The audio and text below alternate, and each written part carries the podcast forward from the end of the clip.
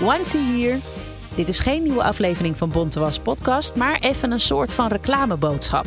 Misschien weet je het, misschien ook niet. Maar ik maak samen met Vinnie Taylor ook een andere podcast die Domme Vragen Bestaan Wel heet. Daarin onderzoeken we wat ongemakkelijke, pijnlijke, directe en grappig bedoelde vragen en opmerkingen met iemand doen. Seizoen 3 daarvan is net uit en daar wil ik je via deze weg even op wijzen.